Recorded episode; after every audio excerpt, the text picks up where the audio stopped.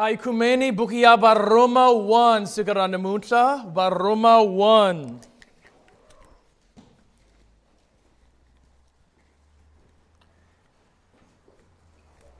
Itakile kubona munu unwani unwan. Vayeni labahumaka ijoni, van labahumaka River Platz, Bukota, Chavani, Bokisi, Miamukele Kile. Namunta hita dionda Baroma 1 verse 2. Baroma 1 verse 2. Ilaba kukensa vanu laba tereke vikileringa hunda. Ishitandin. Uh, mani Makensa, Mani Maggie, Mani Esther, Tatana Shisana, Mani Susan, Nibangwana, Kensilingofu, Nkarawangwina, Lishaku Miti Misela, Kuterela Kere, Kengofu Ngofu, Miti Misela Kuterela, Yesu Christe, Namutla, Hitajonda Lishaku, Evangeli, Ayuhumi, Ndavuku Ungwe, Ayuhumi, Masikulama, Namuta hita volishaku evangeli itsemisi wile kale kale kale hinkasi fika batsonga ba US ba China uh uh Namuta hita vona tintamuselo tantanu ta evangeli Ilabu kutlaya ba Roma 1 verse 2 kambe nitasungula verse 1 Yona isayeka hindalin Mina Paulo, nanza wa Yesu Christ. Nzinga vitaniwa kuba muapostola. Nzithauriweke kutivisa evangeli. Lei shikwembu ashi tsembisile vanu kale. Hiba profeta bashona. Ematselweni layokwetsima. Loko shingaringanisa hinwana washona. Jesu Christe, Hosiahina. Aitzipen, aikonglen. Tatana sikrana muta, hilabile ku sangana. And hilaba ku sangana ai ku dzunisa munu. Hilangana ku dzunisa Jesu Christ. Tatana namuta hivona vakulukumba, vana, vansha, vasesi, vaboti, vatatana, vamanana, Valungu, Vantima, Vavenda, Vatsonga, Vabunu, Kambe Tatana Hitibilishaku, Hinkwer, Hihuma, Ngati We come from one blood, and we have been created in your image. We have more value than the animals. We have more value than any other part of your creation. We have value not because of our hearts, but because of the value you have placed on us. Tatana hitibilishaku hina hinankoka. Ai hikuba hilulamile. Ai lulamangi. But hina hinankoka hikuba hitumbulushivile hishifanisishashikwembu. Vasesi vaboti. Vakulukumba tatana hikwero. Ai labi ku hi ai labi shi tau tau ishkarka hina hikuba hihuma ngati yingwe. And tatana namutla hikumbil lishaku mihani samasraya hina lishaku hingativa evangeli kuna botala sikra namutla vajonna hina himasiku. Many here today learn your word daily, weekly with us, and yet, aba siponisiwa, tatana namutla hikumbilishaku uchincha timbulutahina. Father, for those who are sick this morning, abat fukangi, nikumbilishaku bahola.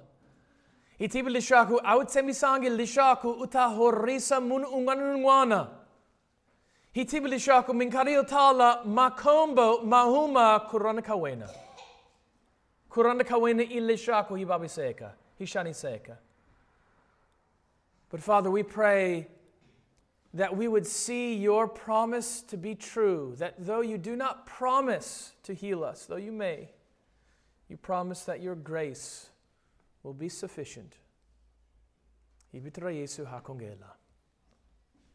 Amen. Shana munu utsama utsembisa shitsembiso kambe indaku kankari aba intlangi shitsembiso shavona.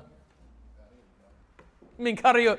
Yeah, he minkari, he masiku.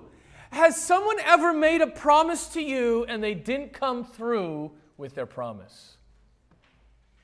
The boss says, I'll pay you next week. Kambe, look ufonela boss.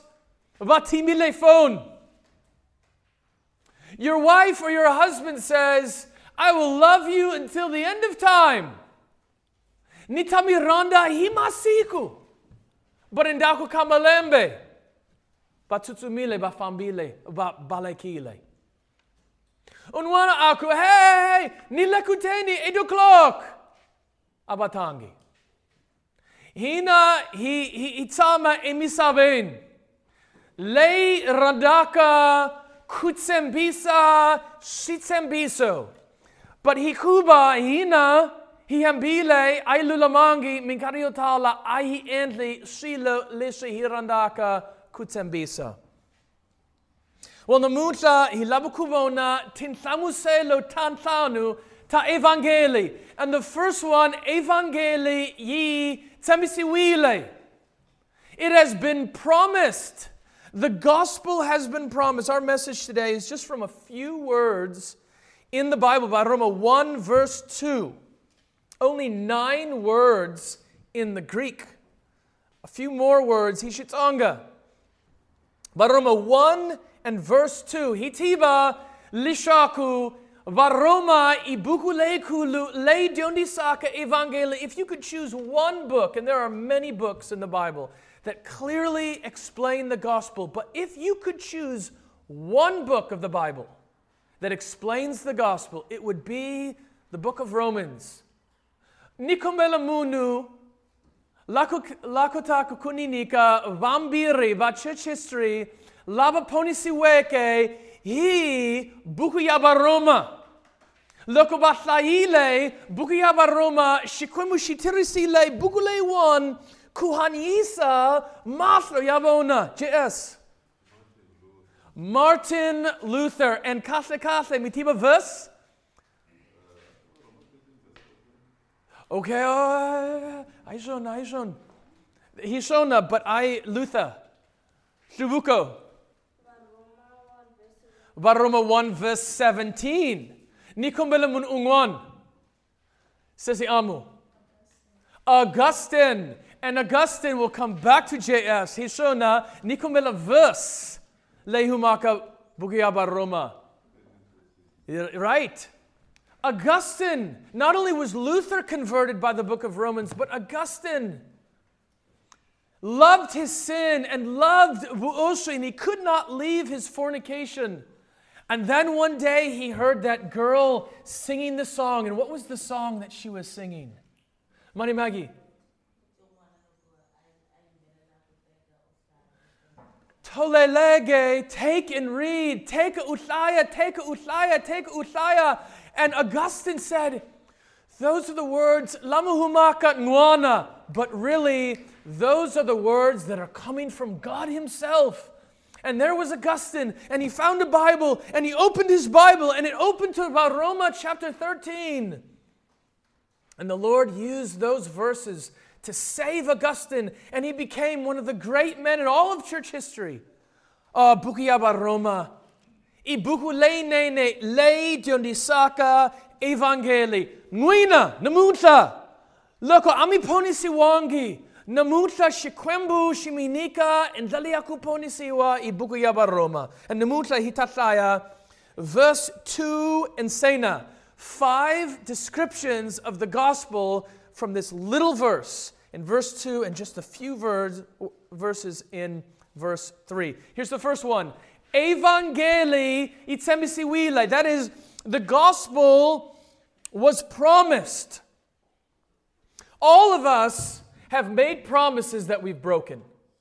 And all of us have experienced others breaking their promises with us. But God never breaks his promises. Shikwembu ashikoti ku kutsembisa and then indaku kankari kuchincha mietleketo. Tito 1 and verse 2 says, God cannot lie. Shikwembu leshinga hembiki. Shikwembu leshinga hembiki. Tito 1 verse 2. Or Aithaini Singwe Vakarinto Yambiri 1 verse 20. And hikuma shitsembiso sha Jesu Christe. 2 Corinthians 1 and verse 20. Hikuba kutlaela kashikwembu hinkwak. Or you could say shitsembiso hinkwash. Kutlaela kashikwembu hinkwako. Hi loko nga ini. Ina ekashona. Ni lishinga amen ekashona. Shibula amen. Shibula yini amen. Amen shibula. I agree. Hishona not fumela. Hey, mwina mifuniku tolovela amen. Lishaku nitiba. Mfungo. Hey, Reggie, Tiani. Shana bat fumela na. Loko miri amen. Miri ni famanangwina. Ni famanangwina. And he tibulishaku loko Yesu Christe utsembisa shitsembiso Yesu Christe aku. Amen. Ina. Hikuba Yesu Christe ishikwembu shikwembu leshinga hembiki. The gospel was promised. It was not something in God's mind that He said, Ah, kumeshana, ishona, kumeshana, aishon. Shikwembu, shitsembisile, sikaringwana. Nitarumela, Yesu Christe, hikuba JS, angakoti ku tiponisa. And dakalo angakoti ku tiponisa. Varingetile, vaferile, vatsanekile. Shikwembu shiku, nitsembisa sikaringwana Yesu Christe ulekutin. Yesu Christe utahanya utomi lebzinene Yesu Christe uya eshihambangwen Yesu Christe indaku kamasiku manaro ufukile iserin. I evangeli i muhungu lamanene itsemisiwile. Aufanilangi kuhlamala, aufanilangi kudauta, kukanakana, Shana evangelien tiso na. Sikaring wan lokun gene univen unisa UJ vata ala evangeli, vata ala bibele, vata kubzela bibele ihuma vanu. Nason lishaku wena uhuma shihari. Aison. Itsemisi wile. Shabumbiri. Evangeli itsemisi wile, shabumbiri evangeli itsemisi wile kale. The gospel was promised long ago. This is not a new message. Bonani verse 2. Lei shikwembu. Now nchini lei. Evangeli. Evangeli lei shikwembu ashi yi tsembisile vanu rini. Kale. Kale. This is not a new message. Now, for some of you, it is a new message because you've never heard it before. But this is not a new message that we're teaching. Hey, Evangelii fikile Africa rini. Maybe malembe ya 300 lamagahunda. Or maybe three, 400 years. Some African countries, 50 years. And some people say, Hikwalau Kaini, Africa is poor. Why is Africa poor? And other countries are much more wealthy. Here's the answer because the gospel has not grown deeply in this nation. Kufana matikumangwan. Matikumangwana manikiwile evangeli kale kale kale ngufu. Ay Africa. And that's why hina even could take a goza ku hangalasa evangeli evangeli inikiwile kale but bangwan abasi abatangi. And in Tirwahina ikudiondisa evangeli. It was given long ago. It was given when there were no cultures. Because it was given to Adam and Eve. Ah, bibele yuhuma ah, balungu. Ah, bibele yuhuma matigumangwan. Aishon, Aishon. Bibele na evangeli ihumile kale shikwembu in the Garden of Eden. Some people accused Paul of this when Paul preached the gospel. They say, Ah, wena, jondo le luaka ni, ni, ni tico. Timaka 21, verse 28. Paulo udiondisa jondo le luaka ni tico. And bangwana ba etleketashona. You're teaching a message against our culture or against our country. Aishona. Evangeli yitsemisiwile kale. Hingasi fika ba US, ba South Africa, ba Shona, ba China. Eh eh. Inikiwile kale. I'll give you an example. Who knows imani lativaka evangeli yosungula ibibelin? Evangeli yosungula mani magikwi ibibelin. Aishona kale kale kale kale. Who knows where the first gospel is found in the Bible? Evangeli ekusungaleni yehumakwi ebibelin. Sometimes it's called the proto evangelium, which means the first gospel. In Karawo Sungula, Lishaku Hikuma Evangeli Ibibelin. Mani Magi said, Bukia Yohan. Ah, Hingasi Fika Bukia Yohan. Kale, kale, kale Ngofu. Kale, long ago, even before Bukia Yohan. Bukia Yohan isari wile melamia 2000 among hunda, but it's way earlier than 2000 years old. But rej.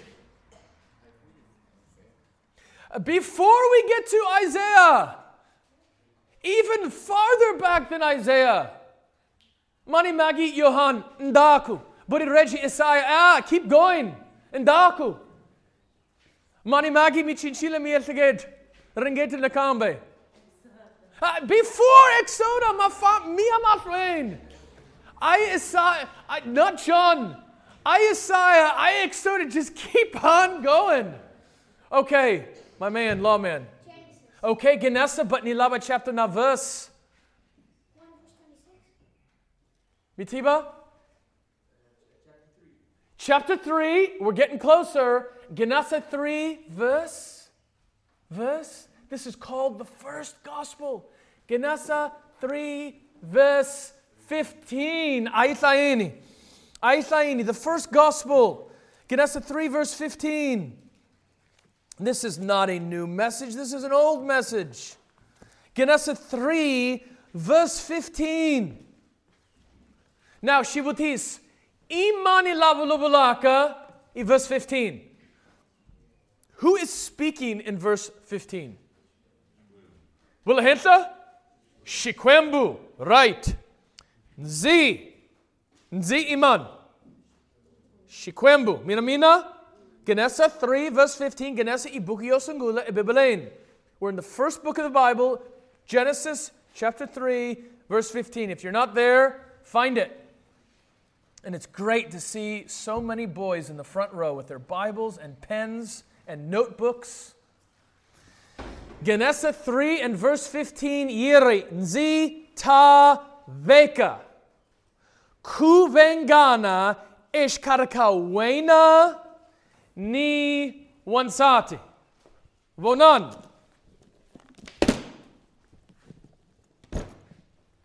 Shikwembu shivulubula naman. Imani wena. Nzitaveka kubengana ishkaraka wena na wansati. Wansati, wansati i Eva imani wena. Mani Maggie. Ah, okay, okay, okay, okay. Inyoka barangofu ngof. Ah, ay Adam. Satan. Shikwemu shiku. Nitaveka kubengana. I'm going to put hatred. I'm going to put enmity. I'm going to put nyimpi. Ishkaraka wena satan. Nayena wansati Eva. God said there's going to be hatred between Satan and between the woman. Here, Machrein, verse 15. Ni ishkarka rishaka rawena, ni rishaka ra wansati. Imani rishaka ra satan. I will put hatred between the seed of Satan and the seed of the woman. Imani rishaka ra satan. Vajohi hishona. Labanga punisi wangiki. Johanna 8 verse 44 says, We are all children. Hina wina mihuma ekatatuang wina anga. Diabolos. John 8 44 says, We are all children of Satan. And God said, I'm going to put hatred in between Satan's children, which would be us, that is, sinners, before we are converted, and the child of the woman. Who's the child of the woman? Imanloy. Manimagi. Jesu Christ. Shikwemushiku. Nitaveka kubengana ishkaraka. Lavanga ponisi wangiki. Na Jesu Christe. Here, Machrein, verse 15. Verse 15. Ri ta ku fire and soko. Hey, ingisalan. Imani ri. Imani ri. Okay, Rishaka, but Imani ri. Katle katle. He said he will crush his head. Imani ri. Mani Maggie, me clarily and go from the moon. Mani Maggie, look at this. Uh, hey, Vansha, mi finna kufan, mi finna kufan na Mani Maggie. Jesu Christ. Look who giant nyoka. Went hini. Oh, uhosha ribs. No. We take a spade. Gah! Wa fire. And soko. And soko. Yanyoka. Jesus Christ would crush the head of the serpent. And watch this, verse 15. Wena, imani wena, imani wena, is Satan, wena uri luma. Shiredze. Shubilishako. Okay, Satan, utabanyana Yesu Christe. Qui, eshihambangwen. But Satan angat jayangi Yesu Christe. Finally. Satan ubile nyana Yesu Christ. But Yesu Christ utafaya ntlokia Satan. Look at that. Genasa 3 verse 15. Kale. Evangeli itsemisiwile. Kale. Not a new message. Genesa was written thousands of years ago.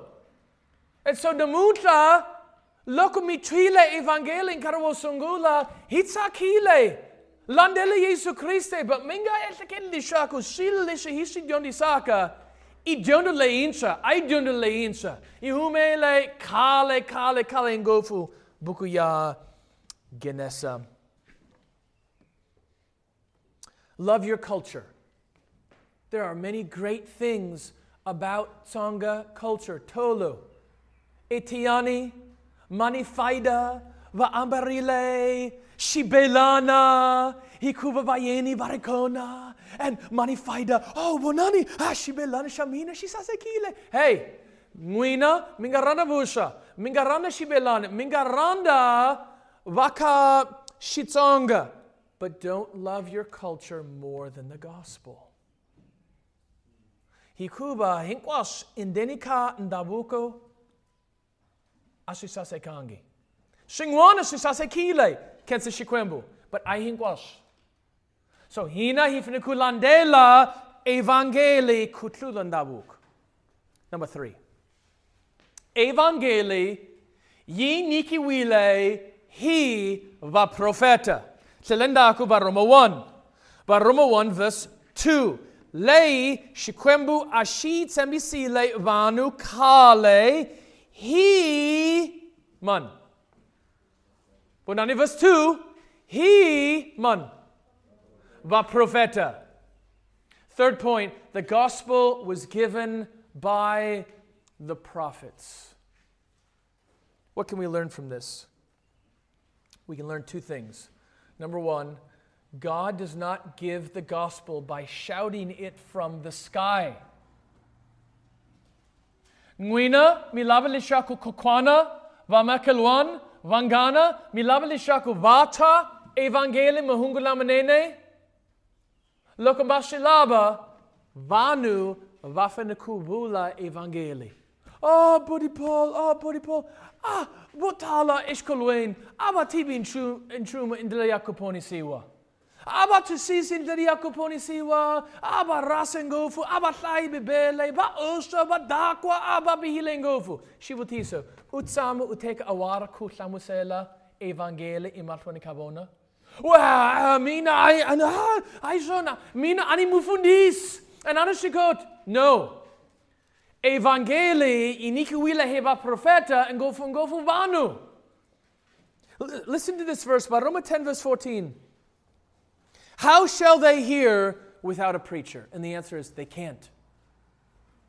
Vata ti tibisa kuyini, vata ti tibisa kuyini loko mudiondisi angarikona. And the answer is angashikoti. How shall they hear without a preacher? And they can't. So God sent his prophets to give the gospel message.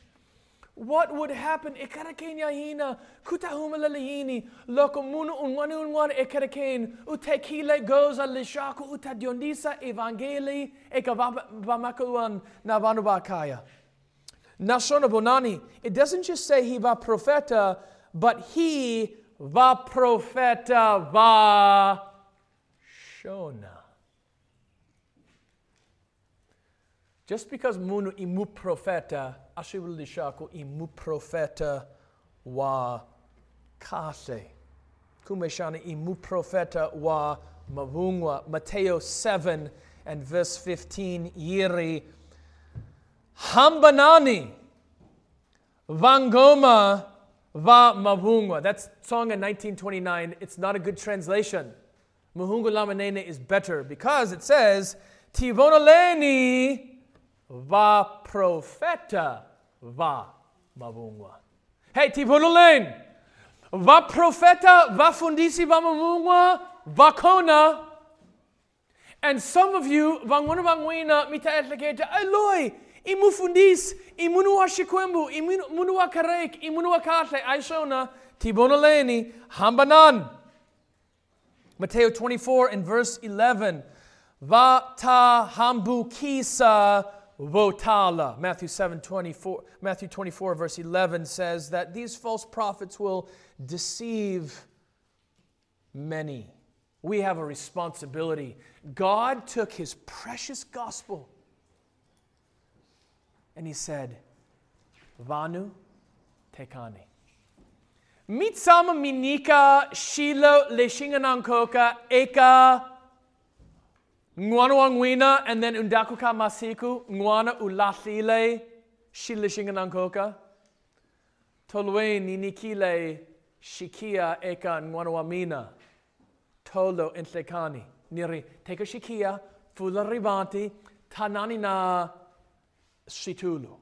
So ngwana utilna shakudia uh, uh, situlu kambe urivele lishaku anga anga tekange karakulo tlela rivant. So shikia shirikona namajambu siku inquaro. Rivanti fulekile. And hina hi tekile awara namisha kukuma shikia shikia shile kui ah ni rebele ni siile shikia ekereken ah ni nikile shilo le shinganankoka ekanwana hindaliofana shikwembu shitekile shilo leshingan ankoka evangeli. Shikremushiku, tekani, nikani evangeli. Akuna shila leshingan ankoka kutrula evangeli. Shikia shihawankoka kufana evangeli. And shikremushiku, JS. Mr. Thomas, Sedzeni, Manimagi, Tekani Evangeli Muhunga Lamanene Diondisani. Number four. Evangeli Itzariwile Ebebelin. You say, Usuti Benjani, loko mu profeta i mu profeta wakas. Hilesh, loko mu profeta ulandela matsalwa. Bunani verse 3.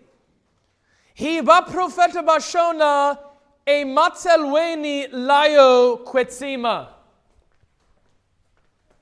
Mu profeta evangeli vafamashingwe. The prophet of God and the Bible are like two wheels of the bicycle. Shifamashingwe. If the prophet goes without the Bible, he's a, pro- he's a false prophet. Shubilishako usiti benjan loko munu imu profeta wakate, loko mu profeta, arkare abula, aterisa bibele. Bibele. Mavilwa, mambiri, mafamashingwe, e baisikiri. Shifamashingwe. Shijoho, aisaini bibele. Makiyan yangu, aisaini bibele. Makia bukati, aisaini bibele. Ah, hifniku entlaini hita madimona, aisaini bibele. Mali, aisaini bibele. Shakudia, aisaini bibele. Intiro, aisaini bibele. Hitaku ponisiwa, aisaini bibele. Makia shikongelo, aisaini bibele. Bibele, bibele, bibele. But ba profeta votalama sikulama ba entlaini. But fula kerek, Vanu Batsama, Mu Profeta, Kumeshana, Uteka 10 seconds, Kutaiva Siingwe, Ubeka Hansi, and Uyamatwe Kudiondisa, Shilo Leshi Humaka, Mietkadiayena. I Mu Profeta wa Mavumwa. Number five. Evangeli, Yi Chakusa, Jesu Christe. Bonani verse 3. The gospel exalts Jesus Christ. It lifts up Jesus Christ. Not only is it written in the Bible, but it exalts Jesus Christ. Look at verse 3. Loko shiringanise hinwana wa shona. Jesu Christe. Oh, it is painful for me to hear some people try to explain the gospel and they don't mention Christ. That is not possible. The gospel without Christ is like a house without a foundation. Evangeli kungari Jesu Christe i yindru kungari masungulo. It's like a, a car without an engine. It's like the sky without the sun. It's like a school without children. It's like a refrigerator without food. Evangeli kami kuhaba Jesu Christe asikoteki. Jesu Christe, Jesu Christe, Jesu Christe, Evangeli yitakusa Jesu Christ. Sharawenu utamu uponisiwa, then loku uponisiwile, ekusungaleni utamusela imini mujohi, kame Jesu usasekile. Mina nibihile, Jesu usasekile, Jesu ulehenta, mina nilehansi, i Evangeli. I want to give you three places in the Old Testament. We said Evangeli, itsemisiwile kale. I want to give you three great places in the Old Testament where we find the Lord Jesus Christ exalted. Let me give you three places. Number one, Tinthayo 21, verse 6, Kufika 9. Aikumen, Numbers 21, verse 6, Kufika 9. Jesus Christ is all over the Old Testament, but let me give you three great examples where we find Christ in the Old Testament.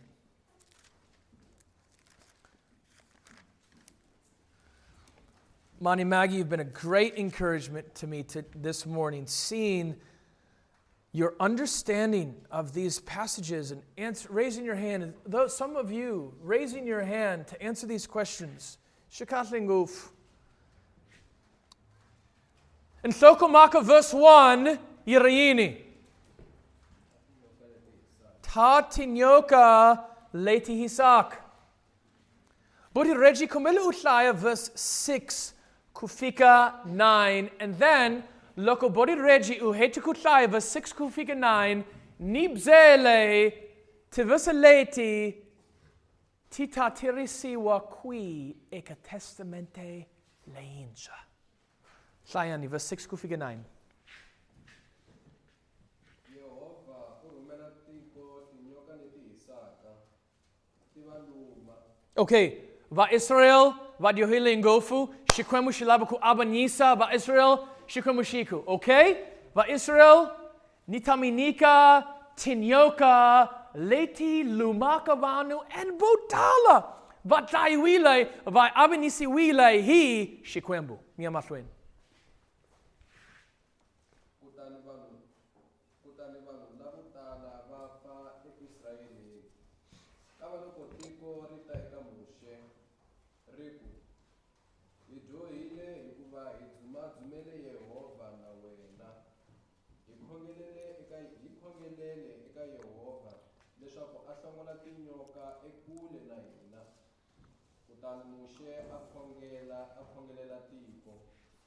Yehovha a eka muxe ti endlele nyoka leyi hisaka u yi hayeka emhandzeni leswaku mani na mani la lumiweke loko a languta nyoka a ta hanya. Kutani muxe a endla nyoka ya koporo a yi hayeka emhandzeni kutani ku te loko munhu a lumiwile hi nyoka a languta nyoka ya koporo a hanya Shubalin, shubalishaku, botalaba lumi wile hi nyoka. Shesh vafa. Kambe Moshe uendlile nyoka e copper. And sh- Moshe ubekile e hentle kapala. And Moshe aku, vanu, varakariba babi seka, vafa shesh, lokuba languta nyoka. Nyoka ishifanis. But look u ulanguta nyok utahanya. And botala abalabangi kuyingisa bari eh eh anishilabi nitarangeta ku kutihorisa bafile. Shitori le shia shitirisi wi le qui e testamente le incha. Where do we find this story in the New Testament? And I'll give you a hint.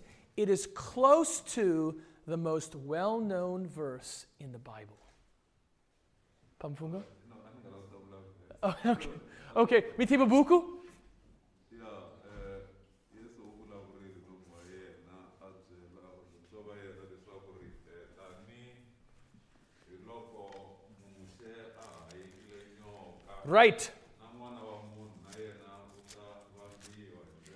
Shitorlishia shihumakwi.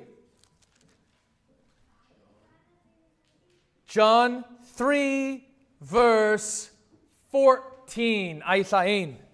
Johanna 3, verse 14. Uh, the gospel is not new, it's old, it's all connected. Testament Yakale, Testament Leinsha. Isaiah, Johann. Wonan, verse 14. Kukotisa Moshe loko a hayekile nyoka emananga ngwanuamunu ufaneleke kuha hayes kisiwa shesh. Shubilishaku kufanana bukia tintayo masiku lama vanu valumi wile shijoho. And loko vanu valumiwa hishijoho, votala balaba ku kuringeta kutihorisa. But Yesu aku, eh eh, look, look. That's how Charles Spurgeon was converted. When the preacher said, Look, look to Jesus. anyone can look.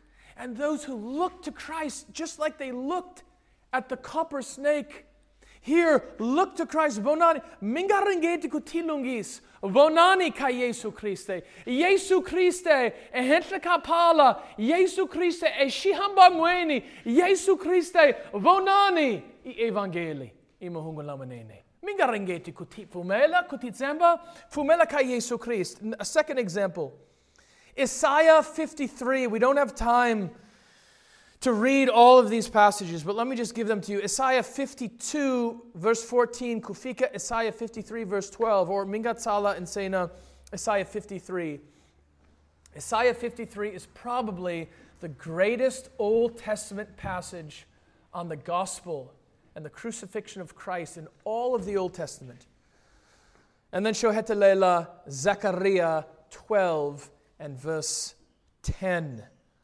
Zechariah 12 and verse 10. Hey, hina hit falashish, shibutis, sikaringwana loko mifa, moyoang winu tayakui. Loko inden, shish. Tibutisa, shibutis leshia, sikaringwana loko mifa, moyoang winu tayakui. And loko miri, hmm, anishativi, but itilwin, mishatimin jan, and loko mi bula, well, mina ni munua kale na kongela ni llai bebele eh eh. No, no, no, no. Evangeli yitla kusa Jesu Christ. Na mutla mun unwani unwan uniki wile evangeli. Hi mu profeta mina. Bibele yeri lishaku hinkweru hidiohile. Akun lalulumeke habi ar unwe. Hakelo ya budyohub zahina irifu etielin. Hina hirana munyama kutlulu kubona kala. Johanna 3. Kambe. Muhungulamaneni lish. Shikwembu. Shirumile Yesu Christen wanawashona. Yesu uhanile melemea 33 uhanile butumile bzinene. Yesu Christe u yile e shihambangwen kufela shidosha badyohi.